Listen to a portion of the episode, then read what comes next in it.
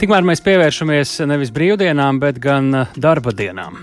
Un uh, Centrālā statistikas pārvalde informējusi šodien par sieviešu un vīriešu stundas darba samaksas atšķirību 2021. jeb pagājušajā gadā. Tas uh, joprojām bija pandēmijas tādu stingrais gads, ja tā var teikt, līdzīgi kā 2020. Nu, un mēģināsim saprast, kas ir noticis ar šo plaisu, kā to mēdz saukt, starp vīriešu un sieviešu darba samaksu. Un tieši tāpēc pie mūsu klausulas pat labi ir Centrālās statistikas pārvaldes darba darba samaksas statistikas daļas vadītāja Līja Luste. Labdien! Labdien! Nu, šobrīd eh, ķeramies jaunākajai informācijai klāt. Nu, tas ir šobrīd, droši vien, domājot 2021. gadu, par ko jums ir skaitļi. Nu, kādas tad ir konstatētas tās atšķirības, ja mēs eh, ņemam eh, nu, pavisam, pavisam lielajos skaitļos un visu kopsumu? Ko mēs varam teikt par to plaisu, kāda ir Latvijā par stundas darba samaksu vīriešiem un sievietēm? Nu, mēs šo rādītājiem rēķinām par uh, pārskata gada pirmo ceturksni, jā, jā, ar to skaidrot. Tad tas ir vēl uh, pirms gada, nozīm... ne tikai pagājušais gads, tā kā tā varētu. Nē, nu jā, jā, bet mm -hmm. jā, mēs rādītāji aprēķinām par katra gada pirmo ceturksni. Un pēdējie dati par 21. gada pirmo ceturksni salīdzinot ar 20. gada pirmo ceturksni rāda, ka uh, plaisa starp eh, vīriešu un, un sieviešu stundas atalgojumu ir diezgan dramatiski kritusies, es gribētu mm, skaidrot to, ka eh, šis rādītājs pēc būtības nav salīdzināms ar iepriekšējo tendenci, ja, ka Latvijā eh, šis rādītājs visvairāk pakāpeniski ir audzis. Nu, jūs atbildējāt vienā teikumā uz visiem maniem jautājumiem šobrīd. jā, jo, jā, jo Bet man ir jautājumi, protams. Par tos ciparus paskatāmies, lai cilvēki saprot, ko šis dramatisks nozīmē. Kāds, kāda bija tā plaisa 2020. gada sākumā un 2021. gada sākumā un cik tad, ko, ko statistiķi sauc par dramatisku un arī kāpēc? Cik, cik tās nu- pārmaiņas ir bijušas varbūt agrāk var salīdzināt? Nu, viss ir salīdzināms. Jā, 20. gada sākumā, pirmajā ceturksnī, tas rādītājs bija 22,3%. Jā, sievietes. Uh, saņēma mazāk nekā vīrieši. Saņēma, jā, mazāk nekā vīrieši, jā, bet uh, 21. gadā tas samazinās, un tā bija tieši Covid pandēmijas uh, ieviesto saimniecisko darbības ierobežojumu uh, sekas, jā, visvairāk ietekmēja, un arī valsts pasākumi atbalstam krīzes laikā. Uh, ja mēs skatāmies, jā, visu to statistiku apkopā arī valsts ieņēmuma dienas, redzam, ka 21. gada pirmajā ceturksnī bija vislielākais nodarbināto skaits, kuri atradās tajā Covid dīks, apmaksāti, valsts apmaksātais Covid dīkstāvēs, mm -hmm. jā. Mhm. Un, un, un, un arī tur sāk, maksāja jau arī tās Covid algu subsīdijas.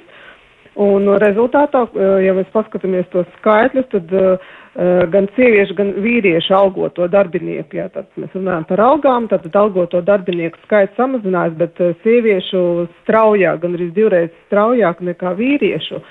Turklāt eh, visās algu grupās, tur, piemēram, līdz bruto algai tūkstots, jā, sievietēm tas skaits samazinās straujāk. Tātad viņas vairs netika iekļaut šo algoto darbinieku mm, vidējā stundas samaksa aprēķinā, ja, un, un var redzēt, ka arī bija tāda kā pozitīva tendence, ka straujāk pieauga arī sieviešu vidū to darba ņēmēju skaits šajā laikā. Uh, kuras saņēma lielāku atalgojumu. Pak, pak, tas nozīmē, ka faktiski uz kā rēķina tā plaisa ir mazinājusies, ka vienkārši sievietes uh, zaudēja biežāk darbu un darbā palika augstāk atalgotās. Tā jūs to sakāt, es pareizi nu, dzirdēju? Jā, tā, tā, tā tas ir, tā tas tiek skaidrots, jā, parasti jau arī, nu, kad citās krīzēs, kad tas ir bijis, jā, te, nu, šī gan atšķirās. Uh, Tur gan uh, cilvēki, kas bija uh, dīkstā nu, dīkstāvēs, Covid apmaksātajās dīkstāvēs, ko valsts apmaksāja,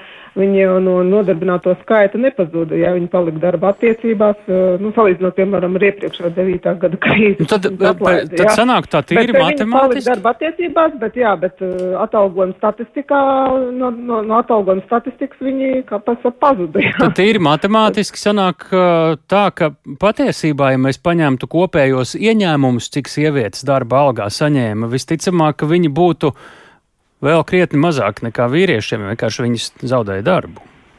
Daļa. No. Viņas darbu nezaudēja, bet viņas saņēma valsts uh, diktātu. Zaudēja atalgojumu. atalgojumu jā, zaudēja. Atalgojumu, jā. jā. Tas, tas, tas neiet iekšā vidējās darba sam, mm -hmm. samaksas aprēķinos. To tieši maksāja darba ņēmējiem pabalstu un, un, un uh, algu subsīdijas Uh, nu, tiek iekļauts darba samaksā. Jā, bet, Tad šis man liek domāt, ka ja mēs uh, savāksim 2022. gada statistiku, kad vairs nav šo dīkstāvis pabalstu, kad uh, vajadzētu atkal saņemt atalgojumu, tad šī starpība mēs nākamgad pēc ap šo laiku, ja runāsim, tad uh, varētu būt atkal palikusi atpakaļ un plaisa palielinājusies, nu tāda ciparos. Nu, tā vajadzētu būt, bet jāņem vērā, ka vēl uh, šogad janvārī un februārī eh, maksāja algu subsīdijas. Ja?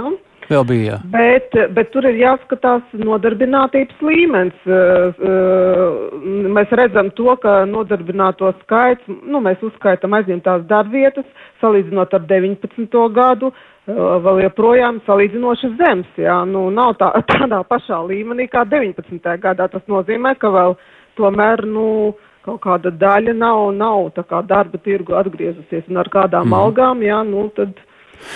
Ko mēs redzam pa nozarēm un vecuma grupām? Varbūt arī ir kāds komentārs vai cipari, kur jūs, kurus jūs redzat nu, kā svarīgus jā, esam? Eh, jā, aprēķinam arī pa vecuma grupām, to mēs izmantojam valsts ieņēmumu dienesta datus.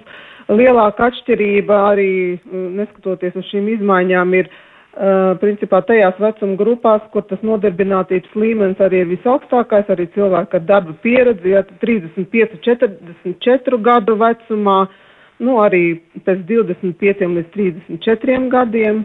Un tur tā plājas ir uh, sarukusi arī vai, vai pieaugusi? Nē, nu tur ir sarukusi, Aha. jā, vis, visās grupās ir sarukusi, ah, jo vidējais saruks tad arī gru, uh, vecuma grupās, nu mazākā ir līdz 25 gadiem, tie jaunieši un, un, un senioriem ir virs 65 gadiem. Jā. Nu jā, nu te laikam, ka jūs pieminat tos jauniešus, diezgan skaidri iezīmējās tā viena tendence, ka uh, sievietēm līdz ar bērnu ienākšanu ģimenē un dzīvē, uh, tad uh, jau lielākā vecumā tā atšķirība atalgojumā ar vīriešiem izskatās, ka pieaug. Tad tā varētu to novērtēt, varbūt.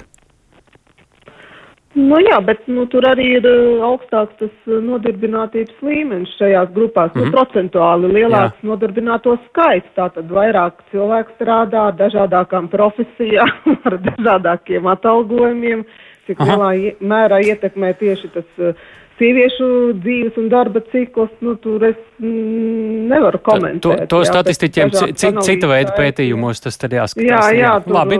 viss jāskatās kopā, Paldies. dzimstība, kā dzims bērnu, vispārējais. Mm -hmm. ir, nu, tā ir garāka saruna. Tirgu. Tā ir garāka saruna jau. Paldies par šo. 16.25 minūtes pievēršamies mūsu nākamajai sarunu biedrenei Kristai Kalnbērziņai, Latvijas bankas ekonomistei. Labdien! Labdien! Nu, kā jūs vērtējat šos skaitļus, kur virsrakstu līmenī mēs redzam, kā jā, plaisa starp vīriešu un sieviešu atalgojumu, saņemto atalgojumu ir samazinājusies, bet kā mēs secinājām ar kolēģi pirms brīža, nu tad ne uz tā labākā rēķina, tā varētu to nosaukt.